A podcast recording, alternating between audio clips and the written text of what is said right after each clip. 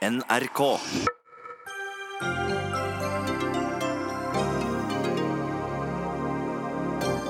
Møtet med Putin gikk enda bedre enn med Nato, sier Donald Trump, som forsvarer seg mot kritikken fra andre republikanere. Trump fremstår fullstendig uten ryggrad, sier tidligere etterretningssjef Kjell Grandhagen, som kommer til Dagsnytt 18. Regjeringen vil konsekvensutrede avfallsdeponi i Brevik i Telemark. Et alvorlig løftebrudd fra klima- og miljøministeren, sier ordføreren i Porsgrunn. Han, og flertallet med ham, vil ikke ha det de kaller et giftdeponi i byen. Arbeiderpartiets Jan Bøhler ønsker derimot et macheteforbud og får støtte av politiet. Da tror jeg mange småbrukere og bønder blir veldig forvirret. Dette er jo vanlige ryddekniver til hagen, svarer Frp.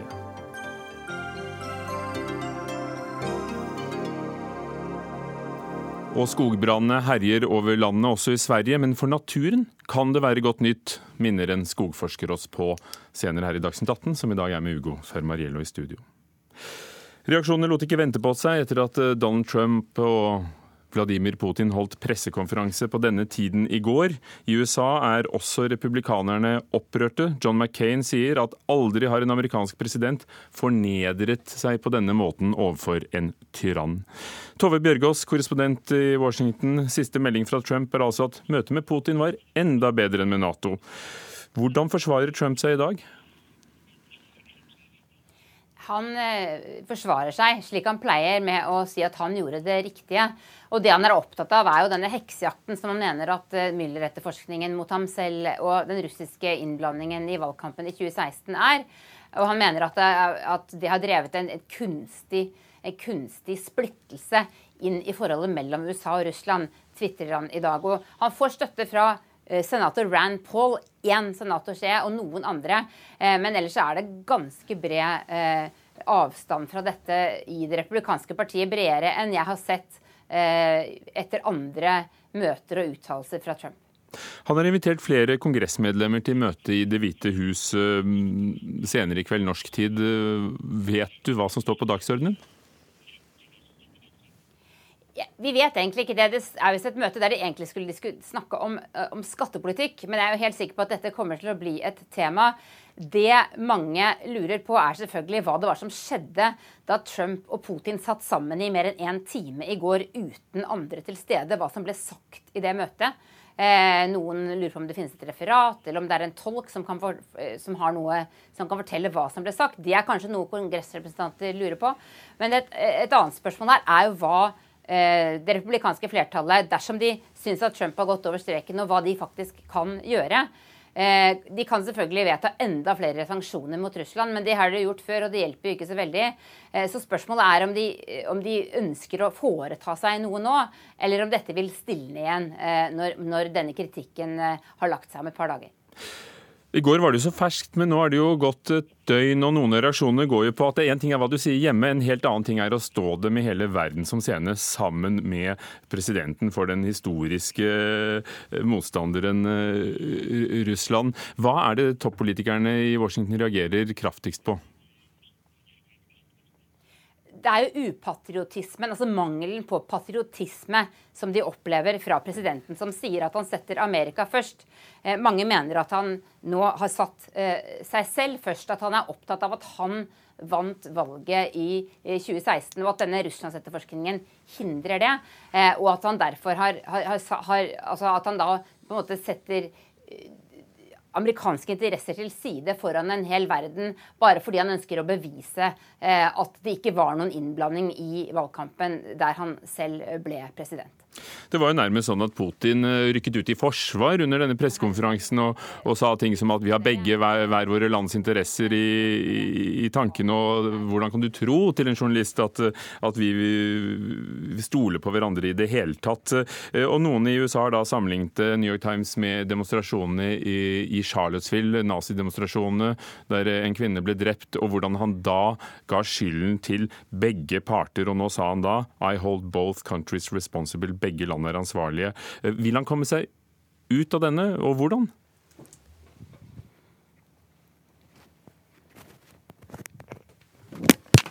Der tror jeg vi har mistet forbindelsen eh, med Tove eh, Bjørgaas foreløpig, men det er så viselig anlagt at Guri Nordstrøm er med oss eh, fra Berlin, nettopp ankommet fra Moskva. Hvordan ble møtet omtalt der i dag? Har, har Putin kunnet innkassere en seier? Ja, Fra Moskva så blir møtet sett på som en stor uh, suksess, eller bedre enn supert, som utenriksminister Sergej Lavrov oppsummerte det. Det er jo en gavepakke til russerne at USAs president gir andre amerikanere skylda for det dårlige forholdet mellom USA og Russland, istedenfor å stille russerne selv til veggs. Det at Trump også sterkt tvilte på russisk innblanding i det amerikanske valget, stikk i strid med det som hans eget etterretningsvesen har kommet frem til, det er jo musikk i ørene på russiske myndigheter. Det som ble sagt fra Trump i går, var jo som om russerne skulle ha sagt det selv. Så i Moskva så har det nok blitt feiret med både champagne og kaviar eh, i går kveld. Og hva er eh, reaksjonene fra europeiske politikere? Er det kommet noen? Det er egentlig ganske stille fra både EU og Nato. Natos generalsekretær Jens Stoltenberg gjentar det han sa under Nato-toppmøtet i forrige uke, om at det selvfølgelig er viktig å snakke med Russland. Presidenten i Det europeiske råd, Donald Tusk, har heller ikke kommentert direkte, men istedenfor tvitret om at EU og Japan har underskrevet en handels- og partnerskapsavtale. Det er da en avtale som blir sett på som veldig viktig, ettersom USA har trukket seg ut av en del prosjekter knyttet til Atlanterhavspartnerskapet. Så det kan nok tolkes som at EU forsøker å vise at de også har andre partnere og andre muligheter her i verden. Eh, når det gjelder hvorfor det er så stille, så handler nok det i stor grad om at det som Trump og Putin faktisk sa til hverandre og ble enige om i går, det skjedde jo bak lukkede dører. Derfor vet man ikke hva slags konsekvenser det de kom frem til, eventuelt kan få. I tillegg så får man jo inntrykk her av at eh, mye nå skjer ganske spontant og uten manus. Det kan også være en grunn til at fremtredende europeiske politikere velger å holde munn inntil videre. til man ser hva dette kommer til å føre til i realpolitikken. Men når det gjelder den største frykten før møtet om at Trump ville anerkjenne Russlands annektering av Krimhalvøya, så viste den seg å være ubegrunnet. Så det er nok mange europeiske politikere som trekker et lettelsens sukk rundt det, i hvert fall. Takk skal du ha, Guri Nordstrøm eh, fra Berlin. Kjell Grandhagen, sjef for Etterretningstjenesten i, i, mange år, fra 2010 til 2016. Eh, du har kalt Trumps retur til Europa for en katastrofe. Eh, det er en ganske sterke ord, men katastrofe altså? Ja, jeg eh, bruker det sterke ordet, selv om det er folk som har brukt mye sterkere ord enn meg også og snakket om høyforræderi. Eh, jeg eh, syns vi skal se både Trumps opptreden under Nato-møtet i Storbritannia og i møte med Vladimir Putin under ett her. Og da merket vi oss jo en meget Nato-kritisk Trump før selve møtet. Han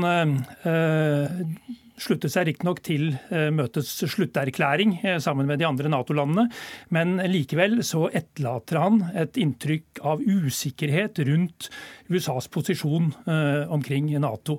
Og Vi skal huske på at eh, i en situasjon hvor eh, vi eller andre Nato-land måtte trenge amerikansk støtte i en krisesituasjon, så er det altså Trump som til syvende og sist sitter med tommelen på, på knappen for å gjøre det. Og jeg tror mange nå ser at han er mer uforutsigbar enn han pleide å være. Og Så kom da, NATO, så kom da møtet med Vladimir Putin på toppen av dette, hvor han altså hadde en mulighet til å markere klare amerikanske synspunkter og amerikanske interesser overfor den russiske presidenten, samtidig som han eh, ytret ønske om gode relasjoner og en samtale eh, med russerne fremover. Men han lot den anledningen gå fra seg, eh, og ble sittende igjen nærmest som en logrende hund ved siden av en meget opplagt russisk president som tok initiativet og var meget tydelig i sine uttalelser. Og siden du nevnte ordene som andre hadde brukt, høyforræderi og, og ydmykelse foran en tyrann, disse kommer fra USA. og med sine egne interesser i tankene. Og vi har med, med oss igjen Tove Bjørgaas. Siste spørsmål til deg, Tove. Ehm, kan han komme seg ut av denne? Hvordan kan han få samlet troppene? Ja, Det er jo et veldig stort og vanskelig spørsmål. For hvilke tropper er det også han skal samle? Det virker også her som at de, de nærmeste rådgiverne til Trump i utenrikspolitikken er jo helt uenige med det som skjedde i går. Det hvite hus sa også at dette gikk ikke etter planen. Vi vet at sikkerhetsrådgiver John Bolton har vært svært kritisk til Russland eh, i mange år. Vi vet at James Mattis eh, gikk ut mot det Trump sa på Nato-toppmøtet i, i, i, forrige uke, forsvarsministeren. Hans egen etterretningssjef måtte ut og forsvare seg i går, Dan Coates. Mange lurer nå på om, om, om flere av disse nå eh, skal trekke seg. Demokrater mener at også utenriksminister Mike Pompeo, som jo ledet etterretningstjenesten, eh, som Trump altså nå eh, kritiserer og underminerer, at han bør trekke seg. Eh, spørsmålet er om, om, det kommer til å hjelpe. Trump virker som han i, i sterkere og sterkere grad gjør nøyaktig slik han selv ønsker, eh, og, og, at det, det, er vanskelig å, å, samle noen tropper. Han, han er eh, på mange måter sin egen rådgiver og, og, og kommunikasjonssjef nå. Takk skal du ha, Torbjørg. og Kjell Grandhagen, er det noe av usikkerhetsmomentet eh, med USA som alliert der der det er usikkerhet rundt de store posisjonene, sikkerhetsrådgiver, forsvarssjef, utenriksminister? Ja, det, det, det, er absolutt det. Og vi ser altså en, en, amerikansk president som har et enormt stabsapparat, enormt etterretningsapparat til sin støtte, og høykvalifiserte rådgivere. Men når han kommer til de store beslutningene og de store øyeblikkene, så er han altså sin egen herre. Han skyter fra hofta, han følger magefølelsen, og det er jo livsfarlig i slike situasjoner. Og vi ser Men Bør vi ta det på alvor? Det, kan det være at det, det er en stil han har. Den er slentrende, den er uh, uortodoks i, i, diplomatiet. Men kan det være at det tross alt er, er andre tanker bak? Det er, det, det, vi skal absolutt ta det på alvor. Jeg hører de som sier at se på hva USA gjør, og glem hva uh, Trump sier. Det Trump sier, er også noe han gjør. Og han gjør noe med enheten i det tradisjonelle vestlige samarbeidet og i Nato-samarbeidet som er meget alvorlig. Han skaper usikkerhet om hvorvidt USA er til syvende og sist en partner å stole på dersom det kommer til en krise, eh, bl.a. i forholdet til Russland. Eh, og eh, han gjør ikke noe selv for å begrense de skadevirkningene som er der. Så vi må for all del vi skal se på både det han gjør og det han sier, men vi skal ta ut uttalelsene hans på alvor, og det må få noen konsekvenser. Så var de altså i enerom uh, i går, Putin og ham og, og, og tolkene. Ligger det noe mellom dem som vi ikke vet, tror du? Har de noe på ham? Jeg vet ikke noe mer om det enn folk eh, flest, men det besynderlige her er jo at eh, det er jo Trump selv nå som bidrar eh, sterkt til å holde dette i live. Ved at han stadig vender tilbake til denne saken og fornekter det som kom enstemmig fra alle hans etterretnings- og sikkerhetstjenester, sier at han tror mer på Putin enn han tror på sine egne etterretningstjenester, ja, så bidrar han jo til å holde liv i forestillingen om at det må jo være noe mellom han og Putin som verden fortsatt ikke har fått kjennskap til. Og Inntil han selv klarer å gjøre noe for å bli kvitt den mistanken, så henger den over ham. Eh, og det er selvfølgelig en distraksjon for en mann som skal ivareta betydelig mer alvorlige problemstillinger enn det. Og Putin sa jo ikke klart nei til det spørsmålet om de de hadde noe på? Nei, Putin, så vidt jeg oppfattet hans uttalelse, sa vel snarere at eh, ja, selvfølgelig ønsket jeg at eh, Donald Trump skulle bli president og ikke Hillary Clinton. Og han sa det med et smil om munnen. Og eh, man kunne nesten se konturene av en gammel KGB-agent i uttrykket hans akkurat da. Du sa det må få konsekvenser. At det skaper usikkerhet om USA som en stødig Nato-alliert som har vært en stolpe siden krigen. Hvilke konsekvenser mener du det bør få for norsk politikk? Jeg tror vi må ta inn over oss at Nato er annerledes i dag enn det var for noen år, år siden. Eh, de lange linjene i eh, Nato, eh, den ufravikelige amerikanske støtten, Eh, har det blitt en grad av tvil om. Eh, jeg tror ikke Nato går i oppløsning, eller noe sånt, eller at Trump prøver å melde USA ut av Nato. Jeg tror ikke det er det som skjer. Men det er altså en Trump som legger vekt på økonomiske forhold. Han krever 2 eh, bidrag fra alle Natos medlemsland. Han sier ikke så veldig mye om solidaritet i Nato og de støtteforpliktelsene som ligger, støtteforpliktelsene som ligger der i en krisesituasjon. Men samtidig har de trappet opp nærværet på grensen mot Russland, og han krever jo nettopp større budsjetter for Nato. Er ikke de realitetene vel så viktige som ordene som faller? Vi skal, vi skal også ta med de eh, forholdene i betraktningen, eh, absolutt. Men eh, vi skal også huske på at i en krisesituasjon så er det den amerikanske presidenten til syvende og sist som bestemmer om, skal, om USA skal involvere seg til støtte for Nato. Og han selv har skapt en usikkerhet om det faktisk kan komme til å skje. Og Vi får straks norske politikere inn av døren her. Hva mener du de må ta for konsekvenser av det? Det interessante her er jo at Norge er i en spesiell situasjon akkurat eh, rundt eh, dette. Vi er mer avhengig av forholdet til Nato enn de fleste av våre Nato-allierte. Og forholdet har også blitt mer anstrengt innenfor andre områder, som klima, som eh, globalisering, som handel, menneskerettigheter osv. osv. Og vi har ikke lenger det samme overordnede nære forholdet til Nato. Det er mer og mer knyttet til sikkerhetspolitikk. Og det betyr at Norge må være forberedt på å ta et større ansvar for vår egen sikkerhet. Vi skal fortsatt basere oss på Nato, vi skal fortsatt tro på amerikansk støtte, men vi må være rede til å gjøre mer selv. Takk skal du ha, Kjell Grandhagen, tidligere etterretningssjef.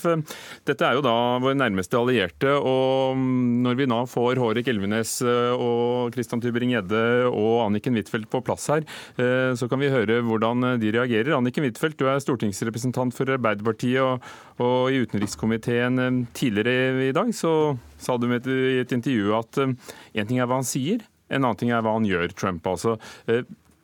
Går det an å å avfeie uttalelsene på den måten?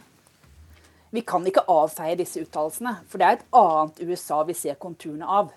Vi er nødt til å øke våre forsvarsbudsjetter langt mer enn denne regjeringen legger opp til. Ikke fordi at Donald Trump forteller oss det, men for dette er noe som Nato-landene sammen har blitt enige om før Trump ble president. Så det er et krav at Europa må ta større ansvar for sin egen sikkerhet.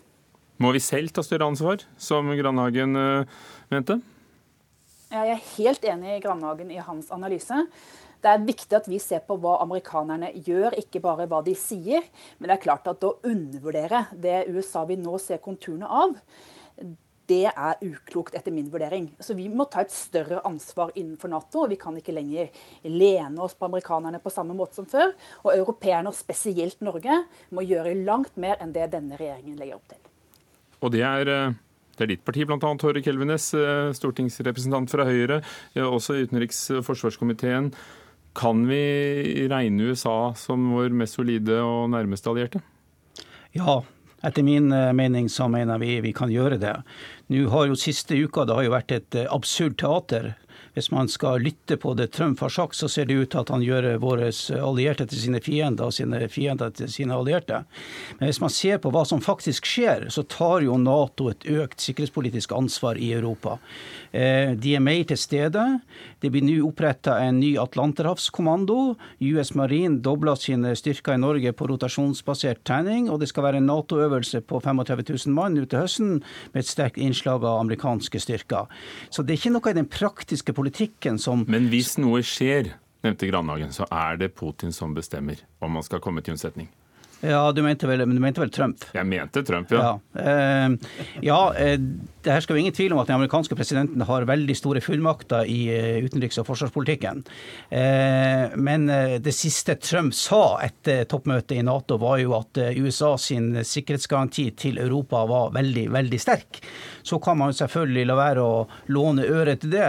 Og da må man se på hva som faktisk gjøres. Og vi ser jo et USA som absolutt er til stede i Europa, bl.a. med 55 000 soldater i Tyskland. Men man skal ta dette på alvor. Men amerikanske presidenter kommer og går. Trump kan maksimalt sitte i åtte år. Eh, US, eh, Nato er faktisk designa for et eh, amerikansk lederskap. Og Nato har vært den viktigste forsvarsalliansen for USA helt siden krigen. Jeg tror vi skal se de lange linjene i dette og ha tiltro til at amerikanske myndigheter vi snakker jo tross alt ikke om en amerikansk diktator. At amerikanske myndigheter eh, faktisk står opp og står bak sikkerhetsgarantien til Europa og Norge, som Granhagen riktig sa, vi er fullstendig avhengig av. Kristian Tybring-Gjedde fra Fremskrittspartiet, hvilke tanker gjør du deg etter, etter å ha hørt Kjell Granhagen? Du kan si sånn som tidligere politiske kommentator amerikanske Walter Lippmann sa, at der hvor alle tenker likt, er det få som tenker. Og jeg føler at denne reaksjonen etter eh, Trumps reise i Europa, rundreise i Europa er, eh, så, eh, er på autopilot at han like, kommentatoren kunne like godt skrevet den før han dro. Allikevel så kommer Men når John McCain, hans egen partifølge, sier at Det har John McCain gjort før, så han har ikke vært den nærmeste Trump-tilhengeren. Men, men, uavhengig av det, så er det klart at Trump sier mye rart, og sier noe den ene dagen og sier noe annet den neste dag. Og det er klart, det skal man ta på alvor. Det er, det er seriøst. Men han, men, og det er, bør man som sagt ta på alvor. Men han gjør også ting som, som den amerikanske befolkningen ønsker. Først så styrer han økonomien veldig bra. Økonomien går, og har vel aldri gått bedre. Han har flyttet den amerikanske ambassaden til Jerusalem, dvs. Israel. Han har sagt opp Iran-avtalen, som jeg mener er helt viktig. Og han er flere andre ting han også har gjort. og nå, nå snakker Det er Trumps presidentskap. Hvis vi tenker på Forsvaret. Forsvaret og Nato og hva Norge skal gjøre? Ja, Norge bør selvsagt eh, gjøre de forpliktelsene vi har. Nå har altså Trump eh, sagt ja til kommuniké, sluttkommuniké fra Nato-møtet i, i toppmøtet nå i Brussel. Og vi sa ja til eh, kommuniké i Wales i 2014, og det er 2% Dit må vi også komme. Så vi trenger 12 milliarder til på forsvarsbudsjettet for å komme dit. Og det som er veldig trist med budsjettene i Norge og resten av Europa, er at de er basert på rettighetsstyrte utgifter, slik at man har veldig vanskelig for å prioritere et, en sektor overfor en annen. Og det er eh, når du har et budsjett på 1300 milliarder, og du skal finne 12 milliarder, og du har veldig store problemer med det, ja, da har Norge et problem. Og Det er det også Trump påpeker. Han sier at vi har et velferdssystem i Europa som ikke er i stand til å prioritere det aller viktigste. Men nå sitter jo du i denne regjeringen, eller ditt parti, da. Ja, og eh, jeg har lov til å si det som er Fremskrittspartiets eh, synspunkter. og det er klart at Vi er nødt til å se på de regelstyrte utgiftene vi har i Norge. Det tror jeg veldig mange er enig i. For å prioritere det som er aller viktigst. og Både Høyre og Fremskrittspartiet er selvsagt enig i at vi skal opp til 2% men det tar tid, eh, men vi har gitt et løfte, og de skal vi komme. Anniken Huitfeldt, forrige uke sa din partifelle Espen Barth Eide, tidligere både forsvars- og utenriksminister, eh, at vi burde se på andre muligheter utover Nato. Holder det da med å komme opp på 2 eh, uavhengig av hvilken regjering som, som eventuelt gjør det? Altså, denne regjeringen går i motsatt retning. Vi beveger oss bort fra 2 %-målet. Så denne regjeringen prioriterer jo ikke forsvar. Det jeg er bekymret for, er men, men hva syns du om det Espen Barth Eide sa, for å ta det først? Ja. Eh, at vi må finne andre det er jo svekket når amerikanerne opptrer på den måten som de gjør.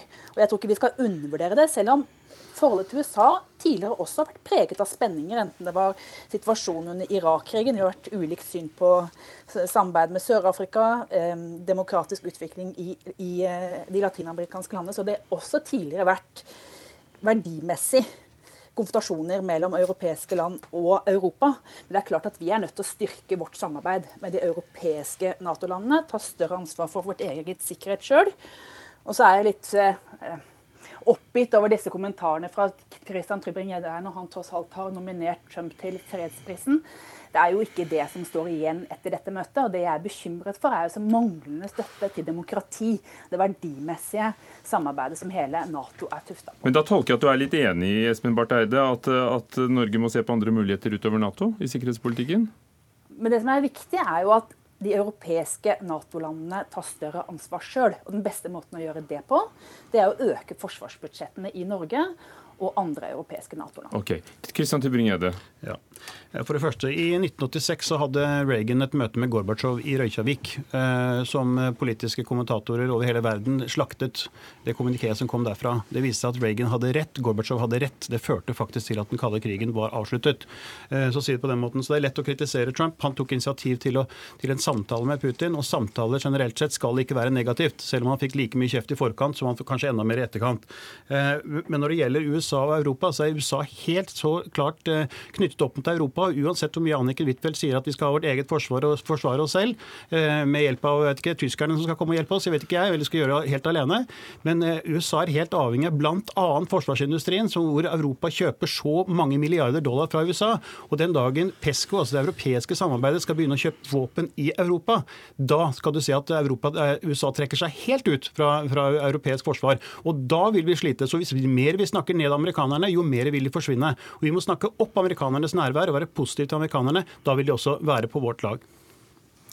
Jeg syns eh, lederen i utenriks- og forsvarskomiteen, Anniken Huitfeldt, skulle avstå fra å eh, slå en billig forsvarspolitisk mynt på den saken her. Du vet utmerket godt at denne regjeringa har økt forsvarsbudsjettet med 11,5 milliarder siden 2013, og legger 180 milliarder mer i Forsvaret enn som lå i den langtidsplanen som Arbeiderpartiet og de rød-grønne styrte etter.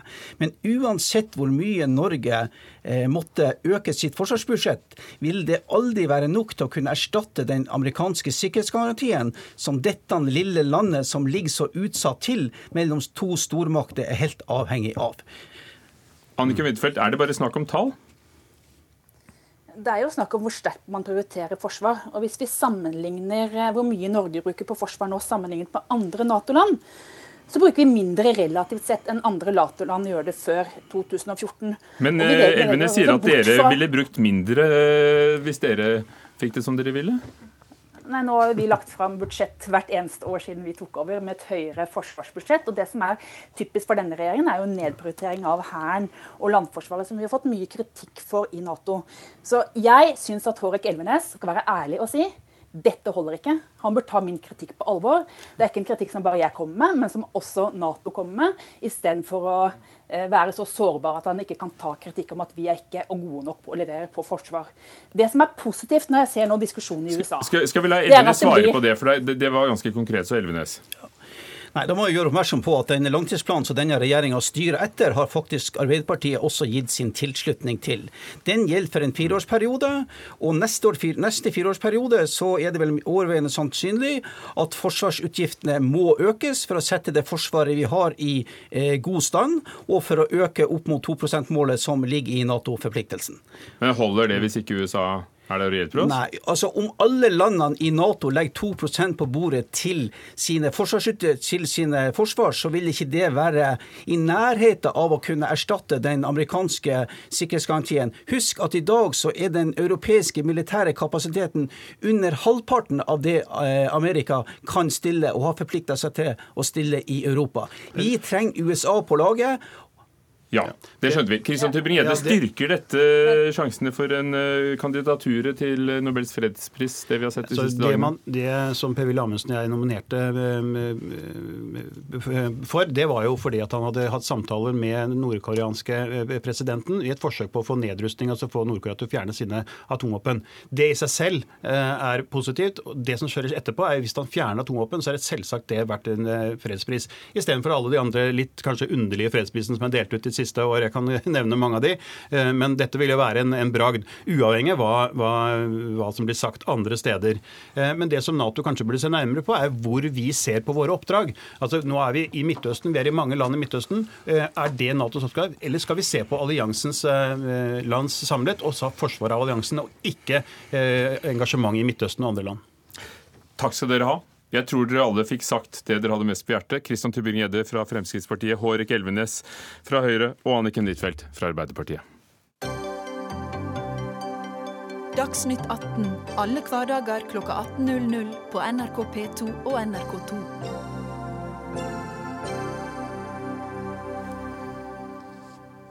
Fredag den 13. ble det bestemt. Norsk avfallshåndtering NOAH, NOAH skal utrede om gruvene i Brevik i Telemark er regnet til deponi for det som heter behandlet uorganisk farlig avfall. Dette er avfall som støpes i gipsformer og legges inn i gruvene. Og hva konsekvensene blir, både for miljø og for samfunn.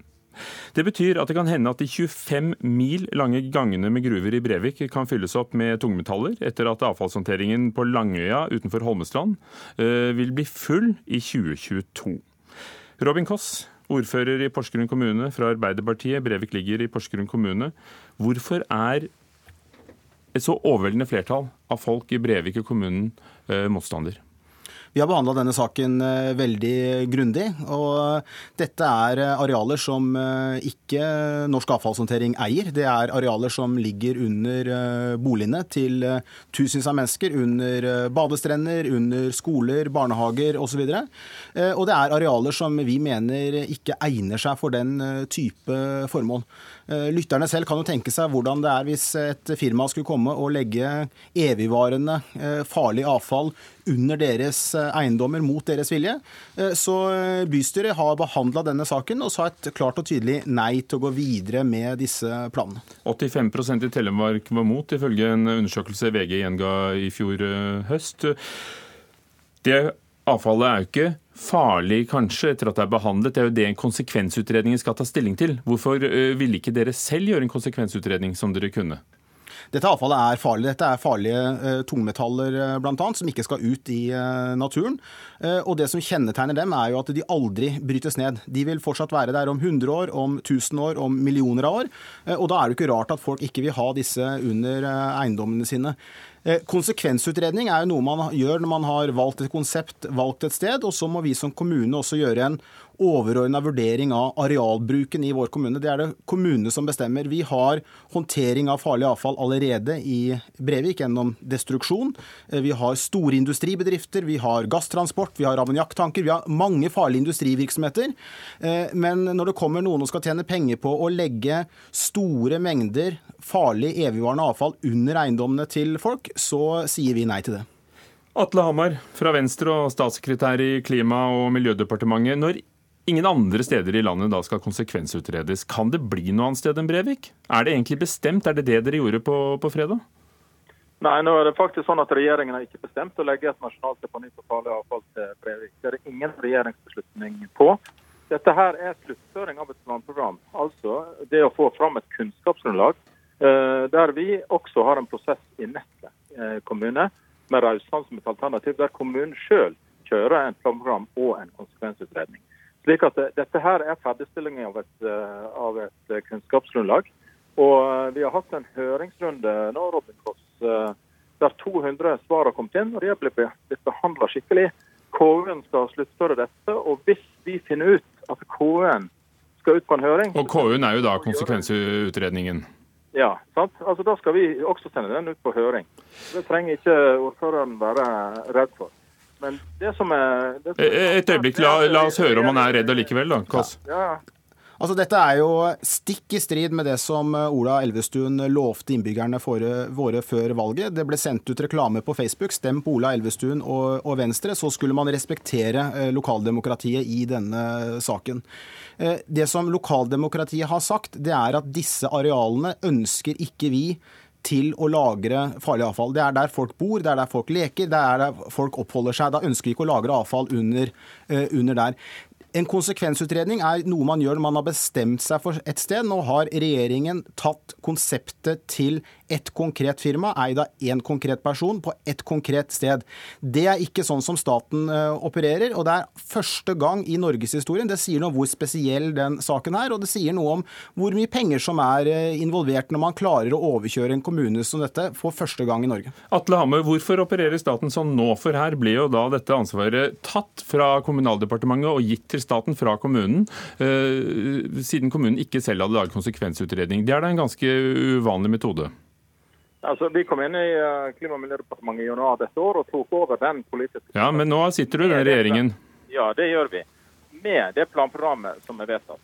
Og det er jo klart at uh, Robin Koss, jeg viser til at det foregår en prosess i neste kommune tilsvarende med et planprogram og en konsekvensutredning. slik at det er ikke bare Brevik som er et alternativ. Og så merk deg det, at Hvis Brevik skal være et alternativ, så respekterer vi lokaldemokratiet.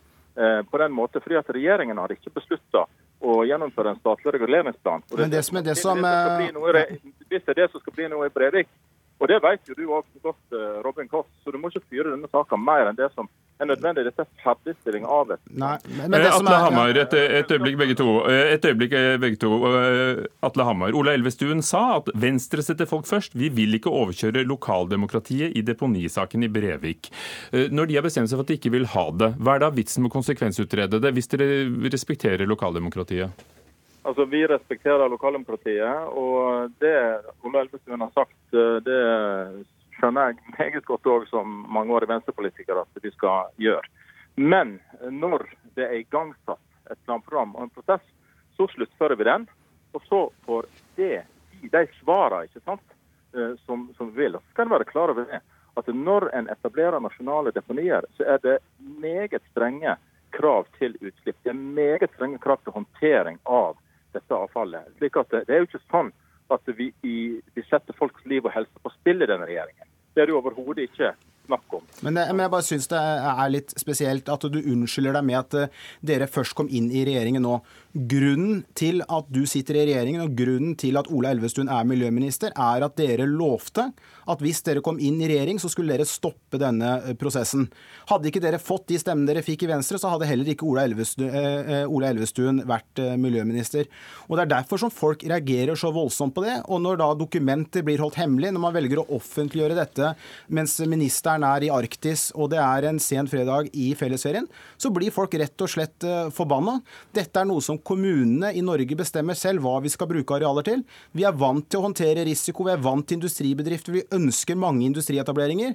Men når vi for en gangs skyld sier at denne arealbruken blir feil, ikke fordi vi er imot å ha deponier, men fordi det er midt inne i den største bydelen i Porsgrunn, der det bor flest mennesker, under hus og barnehager og skoler det, og lekeplasser. Det nevnte du. Uh, Atle Hamar, ta det først. Har dere gjemt det litt bort uh, fredag ettermiddag i fellesferien? Nei, altså Jeg har ferie akkurat nå, men jeg stiller opp.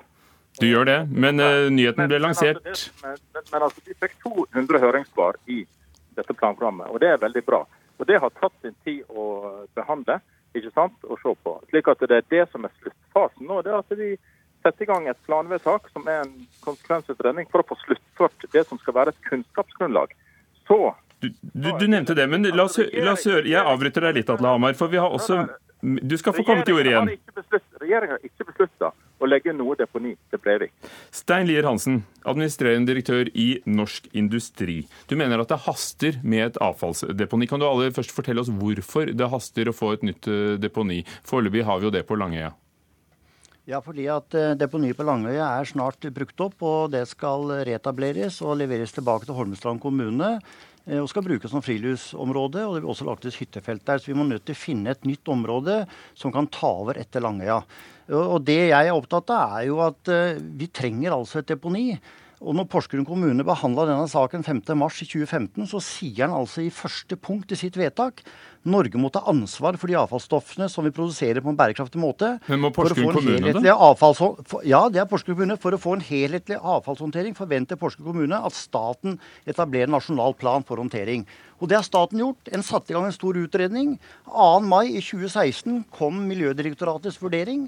En peker på at Dalen er det beste alternativet. Men daværende miljøvernminister Vidar Helgesen han ønsker et alternativ, og ber da om at det utredes et alternativ til Porsgrunn for å ha to alternativer å sette opp mot hverandre, og det er Raudsand i Nesset kommune. Og Det som gjenstår nå for å virkelig få et godt beslutningsgrunnlag, det er at det gjennomføres også en konsekvensutredning for prosjektet til NOAH i Dalen eh, gruver, sånn at det kan sammenlignes med den, det prosjektet som er utreda i Nesset kommune. Det er egentlig ikke verre enn det. Og det, er, og det er, sånn altså, at, og det er altså gruvene i Brevik?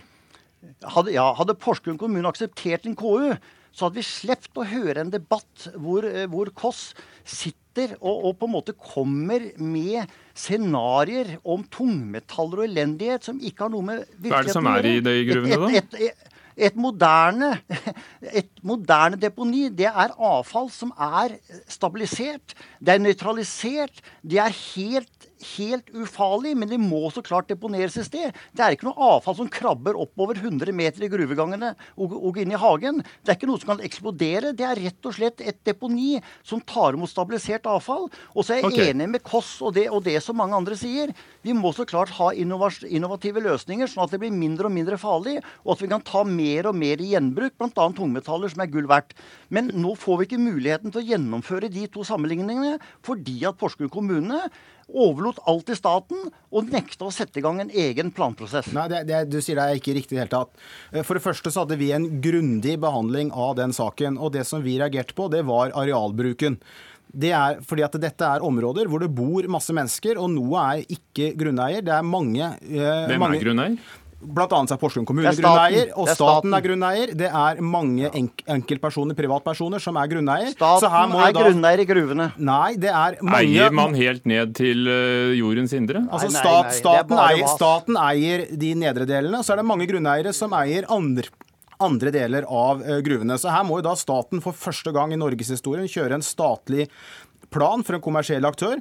Deretter så må jo da staten da ekspropriere masse eiendommer, for så å gi til e- e- et enkelt selskap eid av en enkelt person. Så det er en veldig uryddig prosess. Og det vi etterlyste i 2015, det er jo at staten tar et ansvar.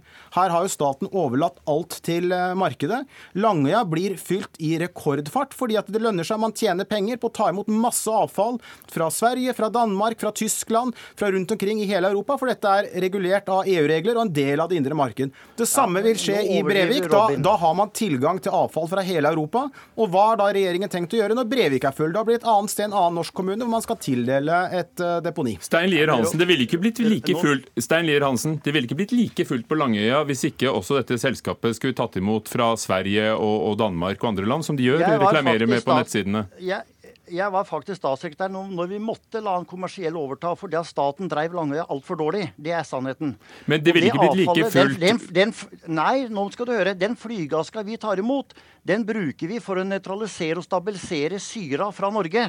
Og den flygaska den kommer ofte fra, fra brennerier, altså ommer i Danmark, som brenner norsk restanfall.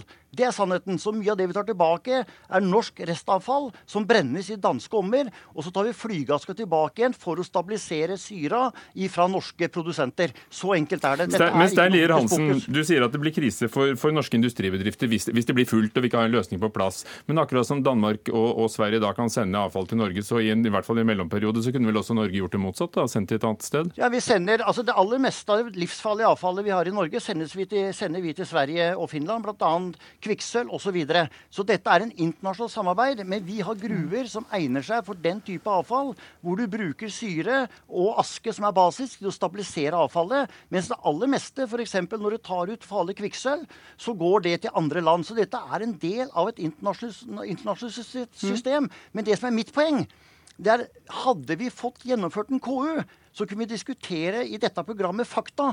Nå slenges det fram påstander som ikke er utreda. Og, og, Robin Koss, ga dere ikke fra dere litt av makten? Fordi eh, det finnes et nasjonalt ansvar for at Norge tar hånd om farlig avfall. Eh, dere kunne som Nessie kommune i Møre og Romsdal gjort det selv? Ja, for i Nes kommune er det en helt annen situasjon. Der er det eh, langt fra store byer. Det er eh, et område som det er da, eh, bedriften selv som eier. Her er det da områder som ikke er eid av virksomheten. Det er midt i en, eh, et tett befolka område, mest folkerike bydelen i Porsgrunn kommune. Eh, og da, da etter en, gjort en grundig vurdering, så mente vi at det ikke var et egnet sted. Og dette er et felles europeisk ansvar, et felles europeisk marked. Og når de sier at den kommersielle nå driver bedre for Langøya, så er det for at de henter inn avfall fra rundt omkring i hele Europa, vinner anbud osv. Og, eh, og det er helt greit at folk tjener penger, men man kan ikke både fylle opp Langøya så fort som mulig og tjene mest mulig, og så etterpå gå til staten for å kreve at staten skal skaffe de eh, arealer som de ikke eier. Atle Hamar, eh, de krever ikke. et øyeblikk, et øyeblikk. Jeg ga ordet til Atle Hamar. Ja. Atle Hamar, er det sånn at dere løper næringslivets interesser her? Og nå er det jo NOAH selv som skal konsekvensutrede. Kan det bli en upartisk vurdering av konsekvenser for miljø og samfunn? Det er jo statens ansvar å sikre at vi har uh, miljøvennlige løsninger og miljøløsninger for nettopp har nasjonale deponi for uh, farlig avfall. Og Da er det jo klart at det, det er som Steinlier Hansen, man importerer den mengde flyvaske fra utlandet som er nødvendig for å stabilisere bl.a. syra fra Kronos Titan, som er en stor leverandør inn. Men Hvorfor er ikke dette ute på anbud? Hvorfor, hvorfor er det da en aktør uh, som, som, dere har da overtatt reguleringsmyndigheten fra, fra kommunen? Ja, nå, er det jo en, en historie bak det at staten overlot uh, dette til NOAH. Det er NOAH som har vært driftsoperatør på Langøya så langt. Så vil jeg òg legge til at uh, Ola Elvestuen ga samme dag et oppdrag til Miljødirektoratet som er i tråd med regjeringserklæringen, at de skal utarbeide en handlingsplan innen 1.3.2019 der vi ser på den målsettingen om tiltak for å redusere mengder farlig avfall, tiltak for å resirkulere en del av dette farlige avfall. Og så vet vi at det foregår teknologiutvikling i dag som gjør at du kan faktisk uh, i åra som kommer, få mindre farlig avfall, men større nytte av det gjennom nye resirkulerte produkter. og Det gjelder også dette type farlige avfallet som vi diskuterer her. sånn at det, men hvorom allting er, så kommer det en konsekvensutredning nå. Hvilke andre alternativer finnes det enn en Brevik? Det er motstand også i Nesset kommune? Ja, men I neste kommune så kjører kommunen den, eh, det programmet og den konsekvensutredningen sjøl. Og vi avventer den kommunalpolitiske behandlingen i neste Så det er de to alternativene, altså? Det er de to alternativene ja. som er på bordet nå. Ja. Robin Koss, vi, ja, et siste ord til deg, hvis du er kort. Ja, Det er litt mer, det er litt mer komplisert. for at I Nesset kommune er også tre kommersielle aktører som har søkt om konsesjon. Og så har da kommunen valgt å følge vanlig prosess og gjennomføre KU reguleringsplan. Men den planen har jo også møtt innsigelser. Så det blir jo staten som uansett må avgjøre også den planen. For der møtes innsigelser fra fylkeskommunen og fra okay. en rekke statlige institusjoner. Så det vil alltid være staten Rob, som får det siste ordet. Robin Koss, hva skjer det Siste ord går til Robin Koss, ordfører i Porsgrunn fra Arbeiderpartiet. Nå kommer det konsekvensutredning. Hvis den viser at, eh, at Brevik er egnet, at det er mest positive sider ved å legge det i Brevik. Ja, Hva ja, jeg, gjør du da? Jeg er helt sikker på at den kommer til å vise at eh, Brevik er et eh, fortreffelig sted. Altså her er det da... Hva gjør du da? Nei, Vi kommer til å fortsette kampen eh, for det. og Det har som sagt aldri skjedd før i Norge at regjeringen har eh, lagd en plan for en eh, kommersiell aktør. Det er kommunens oppgave i alle andre saker som har vært så langt i Norge. Så vi kommer til å utfordre dette. og Dette kommer til å ta svært lang tid. og Det er noe som burde bekymre regjeringen, at dette kommer til å være årelange og tunge prosesser, som jeg syns er veldig trist for Brevik-samfunnet og områdene rundt. Takk skal dere ha. Robin Koss, Stein Lier Hansen fra Norsk Industri og Atle Hamar, statssekretær fra Venstre.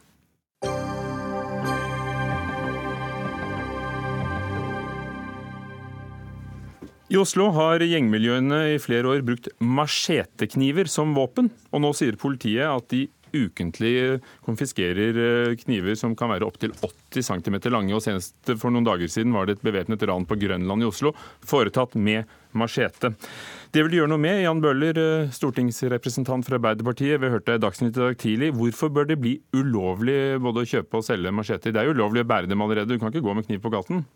Nei, men uh, blant unge som er uh, i utsatte miljøer i Oslo, så er dette et stort problem. At det er så lett å skaffe seg macheter. Altså, Senest i dag så fikk jeg telefon fra en eh, ungdom som jeg har kontakt med, og som var utsatt nå for et angrep med machete. Svært alvorlig. Og det var ikke bare den ene hendelsen du nevner i helga, men flere hendelser. For det er ikke alt som anmeldes og blir, blir mediasaker ut av. Og, og jeg, han gutten eh, sa altså de skjønner ikke hva som skjer hvis de ikke vil forby unge uh, det at de kan skaffe seg macheter så lett. Altså er, man kan bare gå og kjøpe det i en butikk for ned, ned til 300 kroner, eller kjøpe det på nettet og det er livsfarlige våpen. Og når politiet som jobber på gata sier det, etterlyser, sier at de beslaglegger noen av de tjenestemennene jeg har snakket med, sier de beslaglegger flere kniver på en vakt, men de oppretter ofte ikke saker fordi det, går, det er så mye som skjer. Og når, når vi vet at det var 900 trusler med kniv siste året i Norge, hvor macheter ofte brukes fordi de er så fryktinngytende, skremmende. De store. Når, ja, og, og, og, når de trues med, da er det også sånn at folk ofte ikke anmelder. Så når det er 900 anmeldelser, så er det mye. Så det jeg vil, er rett og slett at macheter Ordet macheter tilføyes i paragraf 9 i våpenlovforskriften, hvor det heter at kniver som eh, er mye mindre, som heter f.eks. karambittkniver, som heter batanga-kniver, som heter butterflykniver osv., som ikke er naturlig å bruke i friluftsliv i Norge. Macheter er fra tropiske strøk, ikke en naturlig del av norsk friluftslivstradisjon. Men de er jo til... da mener jeg at det, kan, eh, at det bør føye seg til på den lista. De er jo til forveksling like andre kniver som tradisjonelt brukes i Norge. Silje Hjemdal Hjemdal, stortingsrepresentant for Fremskrittspartiet. Eh, hvorfor vil ikke du og partiet ditt forby den typen kniver? Nei, Det er nettopp det eh, poenget som du nå var innom. Her har vi en rekke eh, kniver og, og uh, jaktredskaper og, og andre, andre, lignende, andre, lignende, knivtyper. Som, Bruker du machete? Eh, nei, jeg bruker kanskje ikke akkurat det som kalles machete, eh, men eh, jeg er jo mye på gård. Eh, så jeg bruker veldig mye lignende gjenstander eh, når man eh, f.eks. kutter høy og gress og vekster og skal til i skogen og sånne ting. Og det er nettopp det at et sånt forbud da må jo da vurderes opp mot også større og kraftige kniver som som, ja, og andre redskaper som f.eks. da brukes i jakt, fiske, reindrift og, og andre aktverdige formål. Så, Men så er det det at det er så mange tilfeller i Oslo spesielt, men, men sikkert også i andre mm. byer, at de brukes til trusler og også ran. Ja, og det vil jeg jo si til Jan Bøhler. Jeg har eh, den største respekt eh, for han som eh, løfter denne debatten. Han kommer fra et parti som faktisk ikke har turt å ta denne debatten i det hele tatt. Og at han er så klar nå i debatten og har, har blitt en, en, klar talsperson for det at man skal gjøre noe med disse miljøene. Det er jeg veldig glad for. Og Fremskrittspartiet er det partiet som er krystallklar på at denne gjengkriminaliteten den skal slås knallhardt ned på uansett eh, hvem eller hva. Men selvfølgelig Men ikke på denne måten? Ikke med forbud? Jeg tror at eh, et forbud eh, mot machete det er rett og slett en avledningsmanøver fra det som er viktig i denne debatten. Og det er det jeg er redd for, at dette skal bli en okay. avsporing. Bøhler, hvordan skille mellom en tradisjonell eh, løvkniv som man brukte å henge på museer overalt i Norge for å høste løv til, til dyrene, eller en ryddekniv som brukes på gården? Altså Jeg påstår ikke at man løser alle problemer med farlige kniver på denne måten. Men i våpenlovforskriften så er det en oppramsing av kniver som det ikke er eh, lov å, å, erverve eller å ha eie i Norge, fordi at eh, de ikke er en naturlig del av norsk tradisjon. Og du tenker at en gjengkriminell søker ikke på, på, nei, på, på, på landbruksutstyr? Og nei. Og det de kjøper nå enkelt i sportsbutikker, butikker, enkelt på nett, det er macheter. Og det er macheter som annonseres. Kan Hjemdal få kjøpe nye kniver i gården altså, for jeg bare avslutter resonnementet at det finnes sikkert kniver i landbruket som ligner på karambittkniver f.eks. òg, altså, som er mindre kniver. Men det er ført opp som forbudt, fordi at det ikke er en naturlig del av det vi har brukt i Norge, en naturlig del av norsk tradisjon. Så det jeg ikke forstår her, som jeg blir egentlig litt fortvila over, fordi at jeg trodde vi nå var samlet i alle partier om at vi ville gjøre alt vi kan for å stoppe den økte eh, alvorlige volden blant unge hvor knivstikking er noe av det som ofte skjer, og machete ofte brukes. Trodde vi var enige om det. Så det er ikke snakk om at jeg tror det ikke går an å finne på argumenter mot det jeg sier, at det ikke fins andre kniver som er farlige. Men la oss ta ett skritt og forby macheter, som er det som nå er populært å skaffe seg, dessverre, og som selges, og er så, selges over disk til alle som ønsker, eh, ønsker det, ned til eh, for 300 kroner. Og, og, og hvis vi kunne unngå det, så hadde vi tatt ett skritt. Kan vi ikke bare ta ett skritt, er det jeg spør om, istedenfor å komme med alle disse innvendingene om landbruket. Og Får da kunne du fått kjøpt kniven til gården din allikevel? Altså, Fremskrittspartiet har vært krystallklar på lenge at vi ønsker ingen svenske tilstander i Norge. Vi har blitt latterliggjort i det vi har advart mot dette. Er, men... Ja, men dette er faktisk et vesentlig poeng. hva, hva mener du at, eh, at Bøhler blir være med på å gjøre ungdoms, mot ungdomskriminalitet? Mot ungdomskriminalitet. Jeg tror det er andre viktigere ting som er vesentlig viktigere. Eh, det er veldig viktig å, å styrke politiet, noe Fremskrittspartiet har gjort. Vi må inn og bekjempe eh, ungdomskriminalitet med mer forebyggende aktivitet. Det er vesentlig at innvandrere lærer seg norsk. Det er også en del som blir påpekt i disse debattene, at det er vanskelig for politiet å nettopp kommunisere med foreldre fordi at de ikke kan norsk. På veien mot det, kunne det ikke vært greit at tollvesenet kunne beslaglegge det som kalles en machete på vei i posten? Det som er muligheter for i dag, det er faktisk et forbud mot å selge eller overlate denne type kniver til, til eh, barn under 16 år. Og Politiet kan også beslaglegge. Du har ikke ikke lov å gå eh, med en sånn type redskap på gaten i dag. Så dette er allerede regulert. Og det er akkurat som med, med skytevåpen, annen type kniv. Dette kan politiet gå inn og gjøre noe med, sånn som det er i dag. Og det er ingen får, ungdom så har lov å løpe rundt med, med kniv. Jeg blir så fortvila, fordi at akkurat som han ungdommen sa til meg i dag, de skjønner ikke hva vi snakker om. For det, det vi snakker om er altså at det er veldig enkelt å skaffe seg macheter. Og det er ikke det at man De vet at det ikke er lov egentlig å gå med det på offentlig sted, men det er veldig liten risiko for å bli tatt. Og når det er så enkelt å skaffe seg macheter i dag, eh, som det er i dag, så skaffer disse unge som er i disse utsatte miljøene seg det. For det er da, de, da blir det mest fryktet. Og det er det det er snakk om. Og landbruksredskaper som Frp viser til. Altså, hvis Frp vil være konstruktive Det er så enkelt å kunne unngå det at det skal gjelde de knivene hun snakker om. Eh, kan man ikke ta ett skritt, istedenfor å prøve å konstruere alle mulige innvendinger? Med ett snitt sier vi takk til dere. Og kutter diskusjonen der. Jeg tror ikke vi kommer videre, men takk begge to. Jan Bøhler fra Arbeiderpartiet og Silje Hjemdal fra Fremskrittspartiet, begge på Stortinget.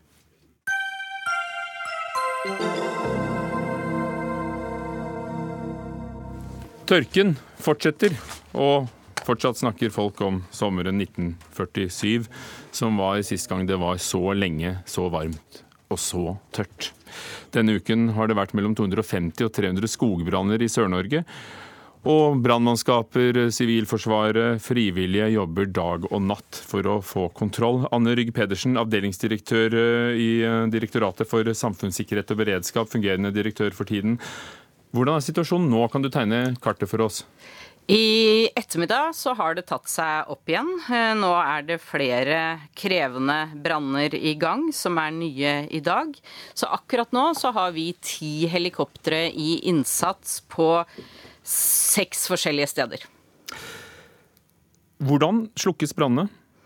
Brannene slukkes på bakken. Det er altså viktig å være godt organisert på bakken ved brann- og redningsvesenet, med stor og god støtte av Sivilforsvaret og frivillige.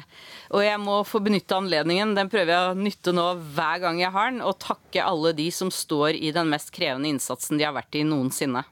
Jørund Råstad, forsker ved Norsk institutt for bioøkonomi. I en kronikk i Aftenposten i dag så skriver du at det er viktig å ha to tanker i hodet samtidig. At, for skogen så er det ikke bare ille at det brenner. Hvordan?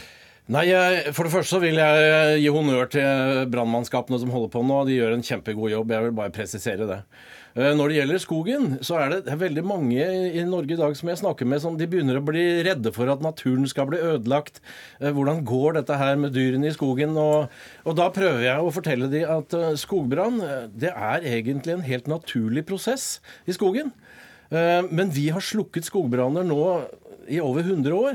Så i dag så er det ingen som, som kan du si, er vant til dette med skogbrann. Går det ikke utover dyr og og mangfoldet og, og trærne brenner jo opp. Ja, eh, de dyrene som lever der, som ikke kan flytte seg ut av brannområdet, de dør jo selvfølgelig i brannen. Men eh, en brann det er på en måte naturens egen måte å forynge skogen på. Altså Når trærne og skogen blir gammel, så dør de. Og da kommer en brann brenner opp mye av biomassen, og den næringsrike asken den havner i jorda. Og mye av kullpartiklene som går ned i jorda, er viktige eh, for mikroorganismer og for å opprettholde næringsbalansen i, i jorda. Men så er det jo det at nå nå bor det jo folk der, da. Vi har begynt å bruke skogen og bosette oss i nærheten eh, av det. Um, hva kunne vi gjort for å hindre at, eh, selv om det kan være en god ting for naturen, at det ikke går utover folk og fe? Der skulle jeg gjerne hatt en quick fix. Men uh, det som er situasjonen, er at uh, for det første så har vi slukket branner i over 100 år.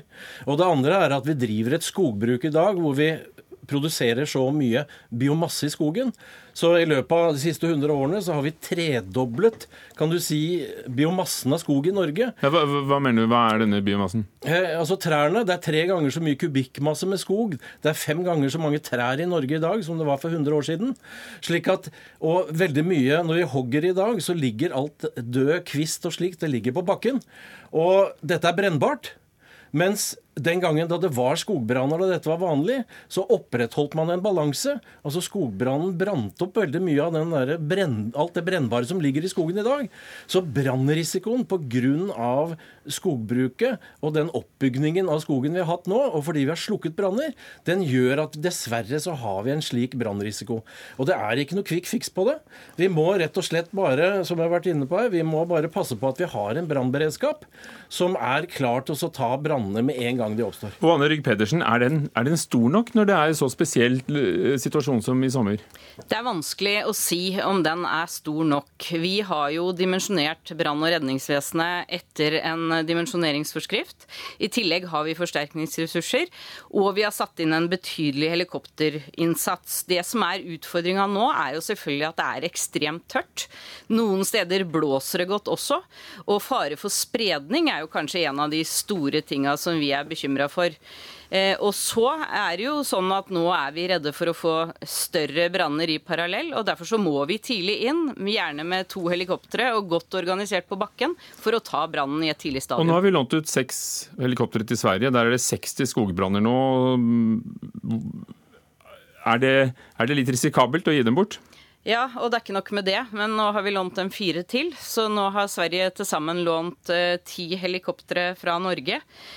Det er en betydelig verre situasjon i Sverige. Vi føler et ansvar også for å bidra hos naboen. Vi deler ei lang grense. Men det er klart at vi har nå en utfordrende situasjon når vi må begynne å prioritere mellom våre branner og våre ressurser. Jørgen Råstad, nå kan vi ikke begynne med nytt skogbruk akkurat nå, men vi har noe å lære av nabolandene våre, sier du. Vi snakket akkurat om Sverige. Hva da?